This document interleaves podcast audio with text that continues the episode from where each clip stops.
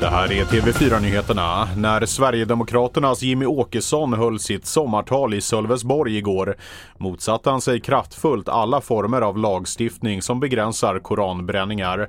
Han bemötte även stormen mot Richard Jomshofs islamkritiska uttalande som han menar inte är problemet utan istället intoleranta islamister.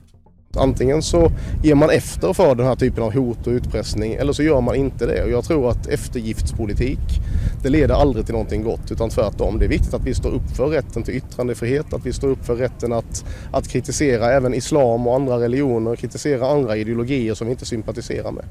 Läget är kritiskt för många potatisodlare efter den senaste tidens kraftiga regn. På vissa håll ruttnar nu hela skördar bort, bland annat på Lanna gård utanför Örebro. Ett elände som potatisodlaren Nils-Åke Gustafsson sett på nära håll.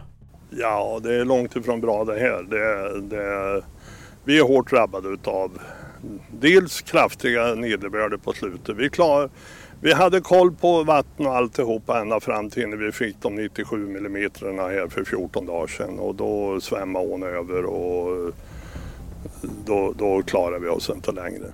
Mer nyheter hittar du på tv4.se och i appen.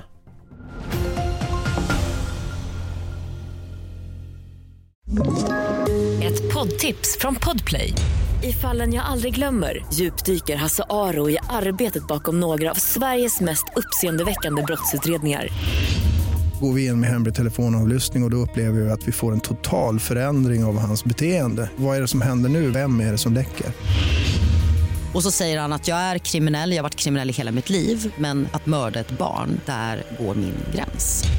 Nya säsongen av Fallen jag aldrig glömmer på Podplay.